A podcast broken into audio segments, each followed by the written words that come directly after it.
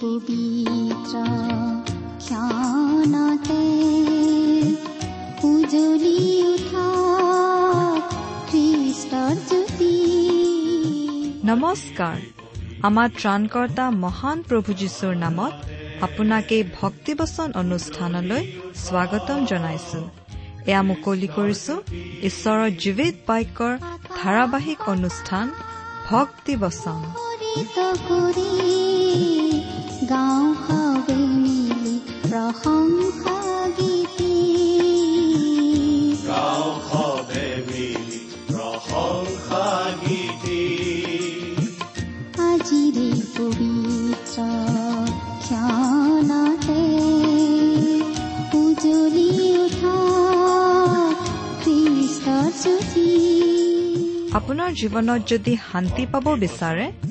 তেন্তে এয়া ঈশ্বৰৰ বাক্যৰ সান্তনা বাক্য ভক্তি বচন।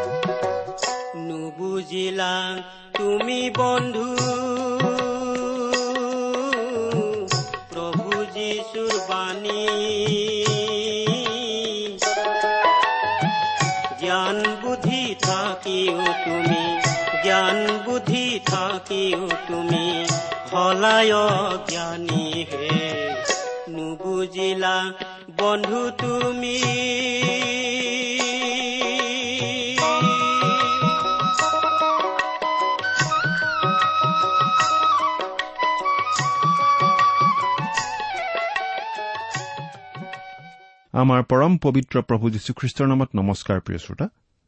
আশা কৰো মহান পিতা পৰমেশ্বৰৰ মহান অনুগ্ৰহত আপুনি ভালে কুশলে আছে।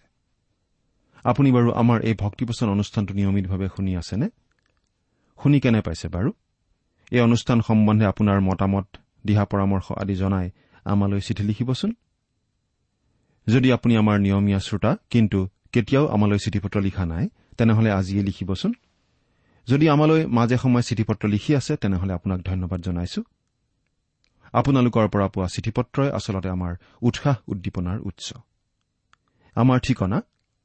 ভক্তিবচন টি ডব্লিউ আৰ ইণ্ডিয়া ডাক বাকচ নম্বৰ সাত শূন্য গুৱাহাটী সাত আঠ এক শূন্য শূন্য এক। ভক্তিবচন T W R India post box number seventy Guwahati seven eight one zero' zero' one. আমাৰ website W W W dot radio' eight eight two dot com আহকচোন আজিৰ বাইবেল অধ্যয়ন আৰম্ভ কৰাৰ আগতে খন্তেক প্ৰাৰ্থনাত মূৰ দুৱাওঁ। আমি প্ৰাৰ্থনা কৰো। স্বৰ্গত থকা আমাৰ অসীম দয়ালু পিতৃ ঈশ্বৰ তোমাৰ মহান নামৰ ধন্যবাদ কৰো। তুমি সৰ্বশক্তিমান সৰ্বব্যাপী সৰ্বজ্ঞানী ঈশ্বৰ হৈও আমাৰ দৰে ক্ষুদ্ৰ মানৱক যে ইমান প্ৰেম কৰা সেই কথা ভাবিলেই আচৰিত হওঁ। তুমি আমাক ইমানেই প্ৰেম কৰিলা যে আমাক পৰিত্ৰাণ দিবলৈ তুমি তোমাৰ একেজাত পুত্ৰ যীশুখ্ৰীষ্টকেই আমালৈ দান কৰিলা। তেওঁ ক্ৰুচত নিজৰ পবিত্ৰ তেজেৰে আমাৰ পাপৰ প্ৰায়চিত্ৰ কৰিলে। আজি তেওঁত বিশ্বাস কৰি আমি অনন্ত জীৱন লাভ কৰি তোমাক পিতৃ বুলি মাতিব পৰা হৈছো। তাৰ বাবে তোমাক অশেষ ধন্যবাদ পিতা। এতিয়া আমি তোমাৰ মহান বাক্য বাইবেল শাস্ত্ৰ অধ্যয়ন কৰিবলৈ ওলাইছো। প্ৰাৰ্থনা কৰিছো তোমাৰ বাক্য তুমিয়েই আমাক বুজাই দিয়া। এই অনুষ্ঠান শুনি থকা আমাৰ মৰমৰ শ্ৰোতাসকলক তুমি উপচি পৰাকৈ আশীৰ্বাদ কৰা। জাগতিক প্ৰয়োজনসমূহৰ লগতে তেওঁলোকৰ আধ্যামিক দিশৰ প্ৰয়োজনসমূহ তুমি পূৰণ কৰা। কিয়নো এই প্ৰাৰ্থনা আমাৰ মহান ত্ৰাণকৰ্তা মৃত্যুঞ্জয় প্ৰভু যীশুখ্ৰীষ্টৰ নামত আগবঢ়াইছো। আহমেন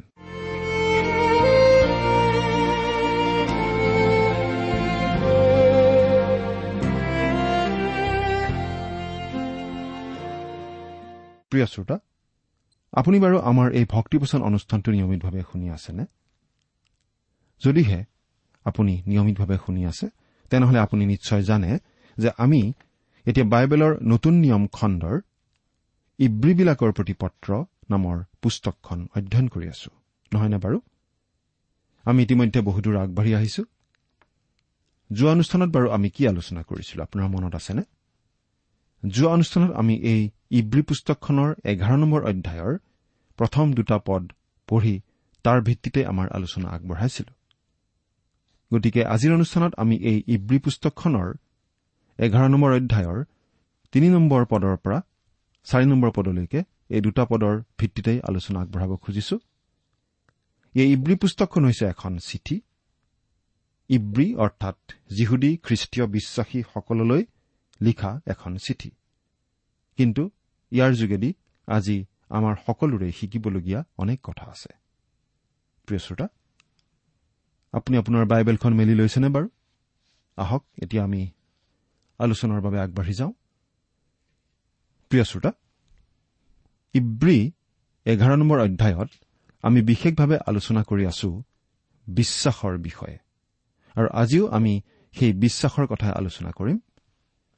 প্ৰথমতেই পাঠ কৰি দিব খুজিছো। তিনি নম্বৰ পদটো। ইব্ৰী এঘাৰ নম্বৰ অধ্যায় তিনি নম্বৰ পদ। সৃষ্টিখন ঈশ্বৰৰ বাক্যৰ দ্বাৰাই স্থাপন কৰা হ'ল। তাতে দৃশ্য বস্তুবোৰ যে প্ৰকাশিত বস্তুবোৰৰ পৰা উৎপন্ন কৰা হ'ল এনে নহয়। এই বিশ্ব ব্ৰহ্মাণ্ডখনৰ উৎপত্তি সম্বন্ধে দুই ধৰণৰ ব্যাখ্যা আছে। এটা হৈছে কাল্পনিক ধাৰণা আৰু আনটো হৈছে ঈশ্বৰৰ পৰা পোৱা প্ৰকাশ। আমি ঈশ্বৰৰ পৰা পোৱা সেই প্ৰকাশ বিশ্বাসেৰে গ্ৰহণ কৰি লওঁ। আৰু প্ৰিয় শ্ৰোতা কাল্পনিক ধাৰণাটো আপুনি গ্ৰহণ কৰিব লাগিলে বিশ্বাসেৰেই গ্ৰহণ কৰিব লাগিব। কাল্পনিক ধাৰণাত বহুতো প্ৰকল্প আৰু ধৰি লোৱা কথা আছে। আৰু তাৰে বহুত আজি মানুহে গ্ৰহণ নকৰা হৈছে। এতিয়া জীৱৰ ক্ৰমবিকাশৰ ধাৰণাটো অলপ অচৰপ মানুহৰ মাজত চলি আছে। কিন্তু সেইটোও লাহে লাহে মানুহে বিশ্বাস নকৰা হ'ব ধৰিছে। তথাপি ঈশ্বৰত বিশ্বাস নকৰা লোকে সেই ধাৰণাটোত খামুচি ধৰি থকাৰ বাহিৰে আন উপায় নাই। কিন্তু সেইটো এটা ধাৰণাহে আৰু জীৱৰ ক্ৰমবিকাশৰ কথাটো মানিবলৈ বহুতো ধৰি লোৱা আৰু অনুমান কৰি লোৱা কথা বিশ্বাস কৰি ল'ব লগা হয়। বিশ্বাসৰ দ্বাৰাই আমি বুজিছো যে সৃষ্টিখন ঈশ্বৰৰ বাক্যৰ দ্বাৰাই স্থাপন কৰা হ'ল। আচলতে এই পদটো এনেদৰেও ক'ব পাৰি বিভিন্ন যুগসমূহ ঈশ্বৰৰ বাক্যৰ দ্বাৰাই স্থাপিত হ'ল। আমাক ইতিমধ্যে এই কথা কোৱা হ'ল যে ঈশ্বৰৰ বাক্য জীয়া কাৰ্যসাধক আৰু দুধৰীয়া তৰোৱালতকৈও চোকা। ঈশ্বৰৰ বাক্য এটম বোম নাইবা হাইড্ৰজেন বোম আদিতকৈও শক্তিশালী। কাৰণ ঈশ্বৰৰ বাক্যই মানুহৰ জীৱন পৰিৱৰ্তন কৰিব পাৰে। যেতিয়া আমি ঈশ্বৰৰ বাক্য পঢ়ো তেতিয়া আমি বিশ্ব ব্ৰহ্মাণ্ডখনৰ সৃষ্টি সম্বন্ধে ঈশ্বৰে কোৱা কথাখিনি হয়তো গ্ৰহণ কৰিব পাৰে নহলে অগ্ৰাহ্য কৰিবও পাৰে।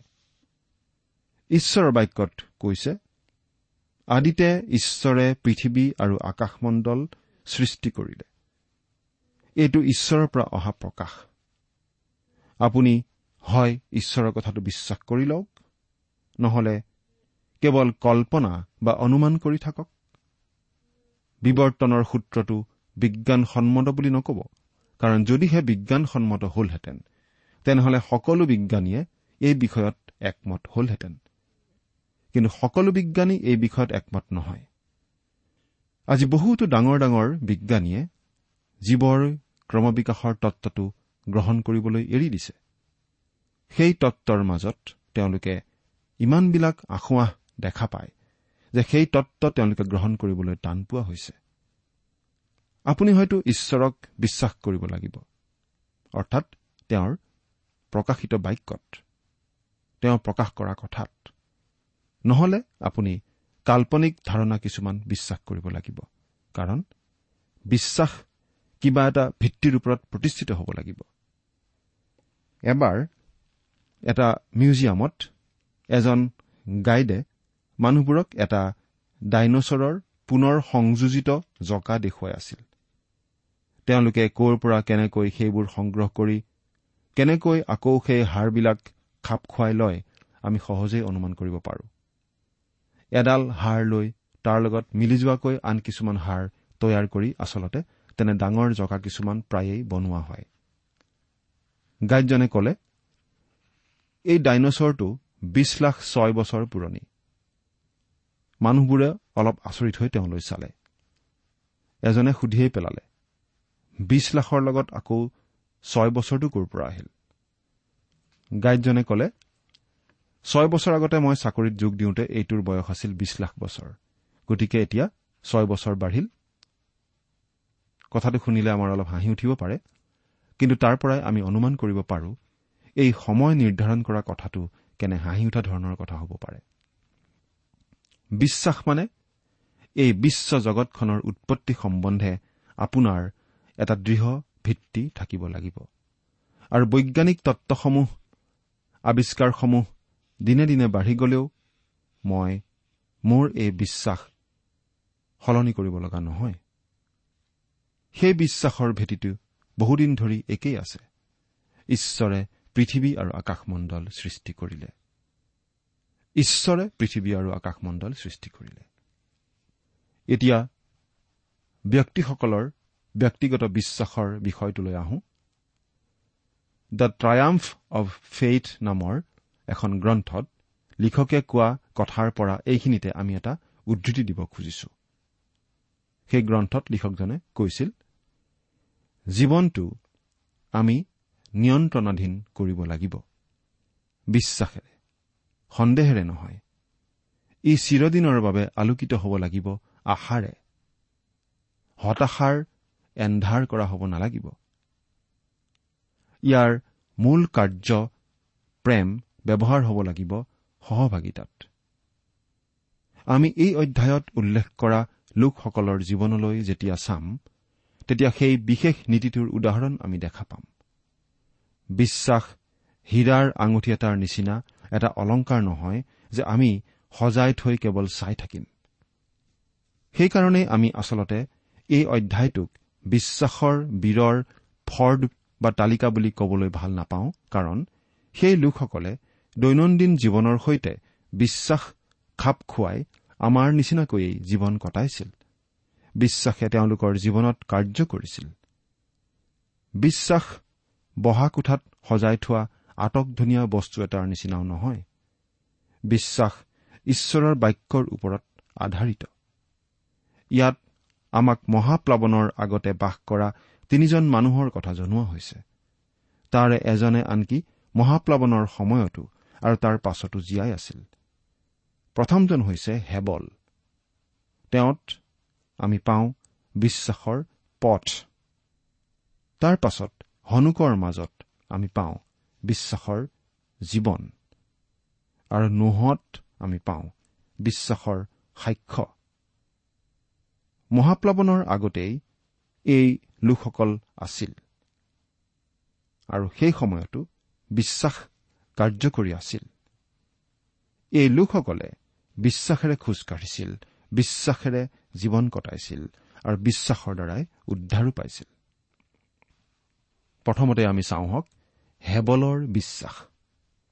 হেবলৰ যোগেদি ঈশ্বৰে আচলতে চিৰদিনৰ বাবে এই নীতিটো স্থাপন কৰি দিলে যে সকলো মানুহ তেওঁৰ কাষ চাপিব লাগিব মাত্ৰ এটা ভিত্তিত বিশ্বাসৰ দ্বাৰা।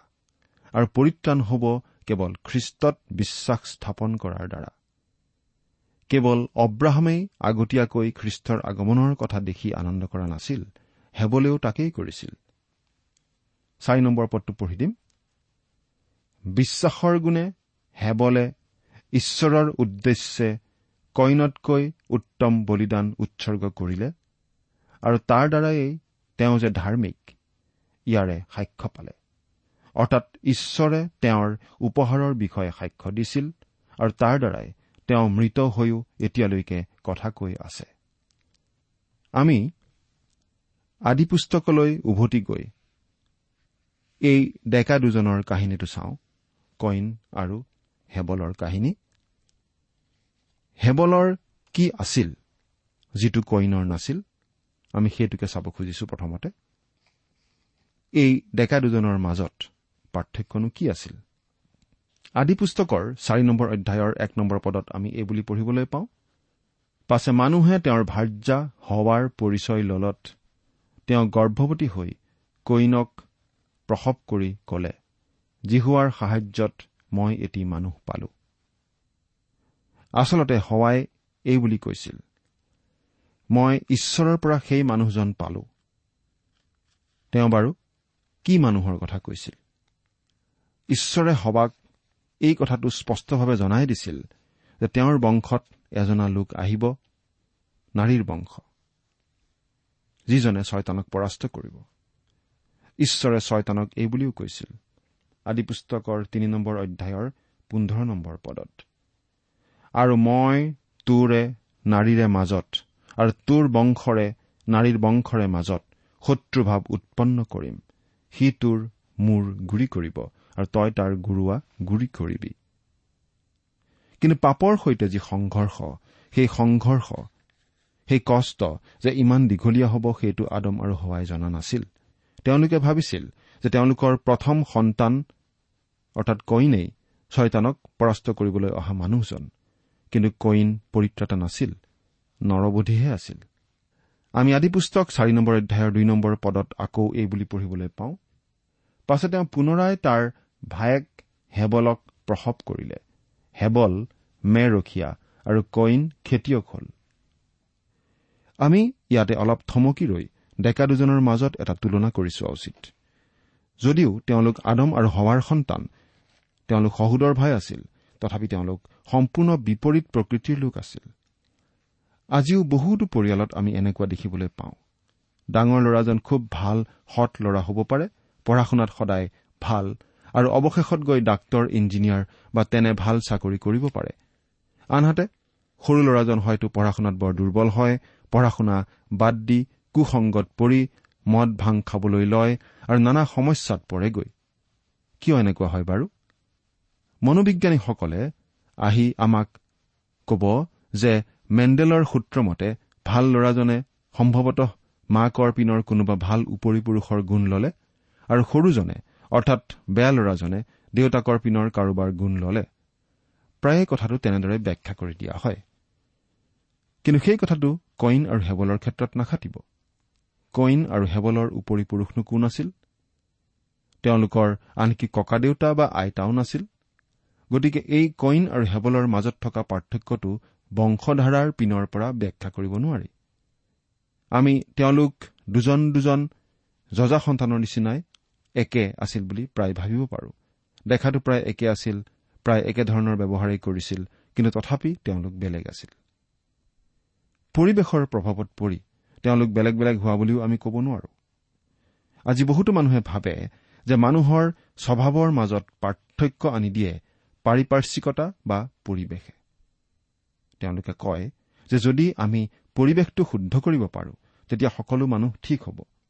যদি আমি নগৰৰ উপকণ্ঠ অঞ্চলত বা বস্তিসমূহত থকা পৰিৱেশ নোহোৱা কৰি মানুহবোৰক সুন্দৰ পৰিৱেশত ৰাখিব পাৰো তেতিয়াহ'লে মানুহবোৰ ভাল হৈ পৰিব।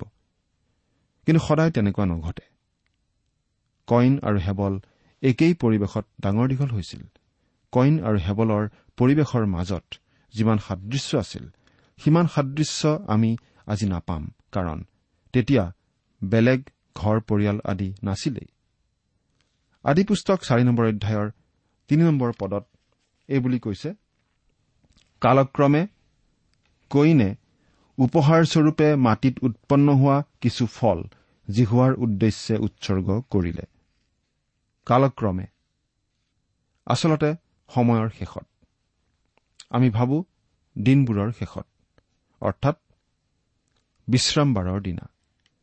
এই ডেকা দুজন প্ৰথম সৃষ্টিৰ অধীন আছিল। অৰ্থাৎ পুৰণি সৃষ্টিৰ লোক আছিল। তেওঁলোক এটা নিৰ্দিষ্ট সময়ত আহিছিল। কইনে আনিছিল অৰ্থাৎ এটা নিৰ্দিষ্ট স্থানলৈ তেওঁ আনিছিল। এনে এটা ভাৱ ইয়াত নিহিত হৈ আছে। আদি পুস্তক চাৰি নম্বৰ অধ্যায়ৰ চাৰি আৰু পাঁচ নম্বৰ পদ দুটা পঢ়ি দিম। আৰু হেবলেও নিজৰ জাকৰ পৰা প্ৰথমে জগা কেইটামান পশু আৰু সেইবোৰৰ তেল উৎসৰ্গ কৰিলে। পাছে জিহুৱাই হেবলক আৰু তেওঁৰ উপহাৰ গ্ৰহণ কৰিলে। কিন্তু কইনক আৰু তেওঁৰ উপহাৰ হলে গ্ৰহণ নকৰিলে। তাতে কইনৰ অতিশয় ক্ৰোধ হল আৰু তেওঁৰ মুখো আমন জীৱন হল। কইন আৰু হেবলে আগবঢ়োৱা উৎসৰ্গ দুটাৰ মাজত কি পাৰ্থক্য আছিল বাৰু? দুয়োজনে ঈশ্বৰৰ প্ৰতি বাধ্যতা দেখুৱাই অহা নাছিল নে বাৰু?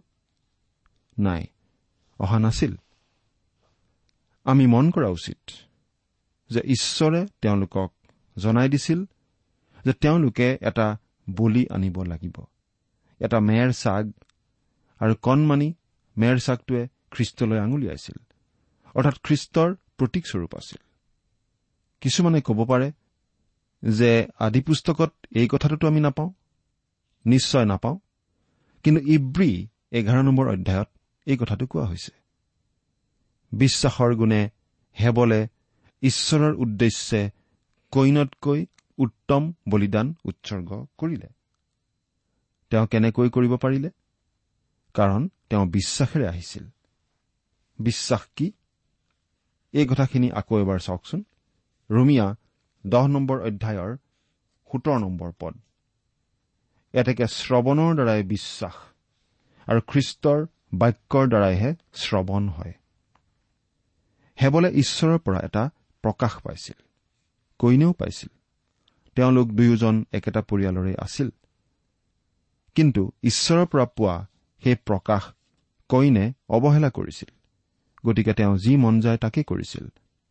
তেওঁৰ শস্যৰ ফল তেওঁ নিজে উৎপন্ন কৰা বস্তু ঈশ্বৰলৈ তেওঁ আনিছিল।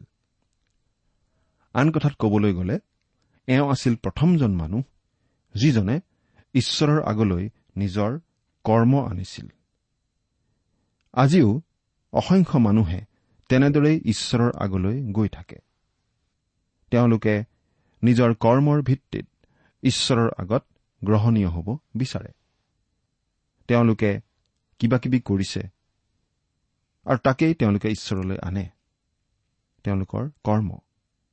কইনেও নিজে উৎপন্ন কৰা সামগ্ৰী ঈশ্বৰৰ আগলৈ আনিছিল। কিন্তু হেবলে আনিছিল এটা মেৰ চাগ আৰু সেইটো বধ কৰিছিল। সেই সময়ত আপুনি তাত থকা হলে কিজানি সুধিলেহেঁতেন হেবল ভাই তুমিনো কিয় মেৰ ছাগলী এটা আনিছা? তেতিয়া হেবলে হয়তো কলেহেঁতেন ঈশ্বৰে এইটো আনিবলৈ আদেশ দিছিল। তেতিয়া হয়তো আপুনি হেবলক এই বুলি সুধিলেহেঁতেন এই সৰু কণমানি মেৰ ছাগলীটোৱে তোমাৰ পাপ মুচি পেলাব পাৰে বুলি তুমি ভাবা নেকি বাৰু? এইটো সম্ভৱ বুলি তুমি ভাবানে? তেতিয়া হেবলে নিশ্চয় আপোনাক এই বুলি ক'লেহেঁতেন। নিশ্চয় নাভাবো। মই মাত্ৰ এইটো কৈছো। ঈশ্বৰেই মোক এইটো আনিবলৈ আজ্ঞা দিলে। তেওঁ মোৰ মাক কৈছিল যে মাৰ বংশত এজনা আহিব যিজন আমাৰ পৰিত্ৰতা হ'ব। আৰু এই মেৰ ছাগলীটোৱে সেই আহিবলগীয়া ব্যক্তিজনলৈকেই আঙুলিয়ায়। মই আচলতে সেই ভৱিষ্যতে আহিবলগীয়া উদ্ধাৰকৰ্তা আৰু পৰিত্ৰতাজনলৈকেই চাইছো আৰু তেওঁলৈকে চাই বিশ্বাসেৰে মই আহিছো আৰু এই মেৰ ছাগলীটো বলি দিছো। তেতিয়াই সেই আৰম্ভণিৰ সময়তেই ঈশ্বৰে তেওঁলৈ যাবলৈ যি পথ সেই পথটো পৰিষ্কাৰভাৱে জনাই দিছিল। তেজ উলিওৱা নহলে পাপ মোচন নহয়। এৰা আমি ঈশ্বৰৰ আগলৈ আহোঁ এইটো ভিত্তিতেই যে আমি পাপী আৰু আমাৰ পাপৰ শাস্তি হবই লাগিব। সেইকাৰণেই সেই মেৰ পোৱালিটিও বধ কৰিব লগা হৈছিল। সেই সৰু কণমানি মেৰ পোৱালিটোৱে পাপ আঁতৰাই নিব পৰা নাছিল। কিন্তু সেইটো আহিবলগীয়া খ্ৰীষ্টৰ আগজাননী আছিল। প্ৰভু যীশুখ্ৰীষ্ট যিজন হৈছে জগতৰ পাপ বৈ নিয়া ঈশ্বৰৰ মেৰ পোৱালী আৰু সেই মেৰ পোৱালীটো বলি হিচাপে আগবঢ়োৱা হৈছিল বিশ্বাসেৰে। হেবলে আগবঢ়োৱা বলিদানটোৱে আঙুলিয়াইছিল খ্ৰীষ্টলৈ। আৰু হেবল আহিছিল বিশ্বাসেৰে। আৰু সেইটোৱেই হৈছে পৰিত্ৰাণৰ পথ। প্ৰিয় শ্ৰোতা সেই পথটো ঈশ্বৰে একেবাৰে আৰম্ভণিৰ পৰাই স্পষ্ট কৰি দিছিল। আজি কোনো এজন মানুহ মূৰ্খ হ'ব পাৰে অতি আচহুৱা ধৰণৰ হ'ব পাৰে কিন্তু সেই বিষয়ত তেওঁ ভুল কৰাৰ প্ৰয়োজন নাই। ঈশ্বৰে পৰিত্ৰাণৰ পথ হিচাপে যিটো দেখুৱাইছে সেইটো বুজি পোৱাত ভুল কৰাৰ আচলতে প্ৰয়োজন নাই। ঈশ্বৰে আমালৈ এই কথা অতি স্পষ্ট কৰি দিছে। তেওঁলৈ যোৱাৰ পথটো হৈছে খ্ৰীষ্ট আমাৰ পাপৰ প্ৰায়চিত্ৰ কৰিবলৈ ক্ৰুচত মৰি দিবলৈকে ঈশ্বৰে তেওঁক আমালৈ পঠালে। গতিকে হেবলে আচলতে আমাক কাৰ্যৰ দ্বাৰা প্ৰদৰ্শন কৰি দেখুৱাইছে বিশ্বাসৰ পথটো। সেই পথটো হৈছে তেজ ছটিওৱা পথ। সেই পথটো হৈছে স্বয়ং যীশুখ্ৰীষ্ট। আপুনি বাৰু সেই পথটো গ্ৰহণ কৰিছেনে? সেই পথেৰে আপুনি আগুৱাই আছেনে? ঈশ্বৰে আপোনাক আশীৰ্বাদ কৰক। আহমেন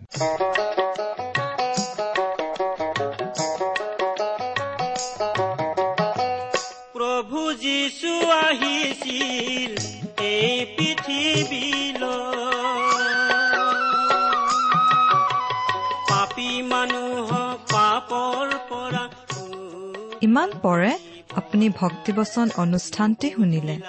অনুষ্ঠানটি শুনি কেনে পালে? আমালৈ চিঠি লিখি জনাবচোন। অনুষ্ঠানত প্ৰচাৰ কৰা কোনো কথা বুজিব লগা থাকিলেও আমালৈ লিখক। আমাৰ ঠিকনা ভক্তিবচন টি ডাব্লিউ আৰ ইণ্ডিয়া ডাক বাকচ নম্বৰ সাত শূন্য গুৱাহাটী সাত আঠ এক শূন্য শূন্য এক। ঠিকনাটো আৰু এবাৰ কৈছো ভক্তিবচন টি ডাব্লিউ আৰ ইণ্ডিয়া ডাক বাকচ নম্বৰ সাত শূন্য গুৱাহাটী সাত আঠ এক শূন্য শূন্য এক। আপুনি ইমেইল যোগেৰেও আমাৰ সৈতে যোগাযোগ কৰিব পাৰে। আমাৰ ইমেইল আইডিটো হৈছে Assamese T TV at radio' eight eight two dot com. আইডিটো আকৌ এবাৰ কৈছো। Assamese T TV at radio' eight eight two dot com. আপুনি টেলিফোনৰ মাধ্যমেৰেও আমাক যোগাযোগ কৰিব পাৰে। আমাৰ টেলিফোন নম্বৰটো হৈছে শূন্য তিনি ছয় এক দুই ছয় শূন্য চাৰি ছয় সাত এক ফোন নম্বৰটো আকৌ এবাৰ কৈছো zero' three six one two six zero' four six seven one আজিৰ অনুষ্ঠানটি ইমানতে সামৰিছো। ঈশ্বৰৰ শান্তি আৰু অনুগ্ৰহ আপোনাৰ লগত থাকক। ধন্যবাদ। জ্ঞান বুদ্ধি থাকিও তুমি। জ্ঞান বুদ্ধি থাকিও তুমি হলায় জ্ঞানী হে নুবুজিলা বন্ধু তুমি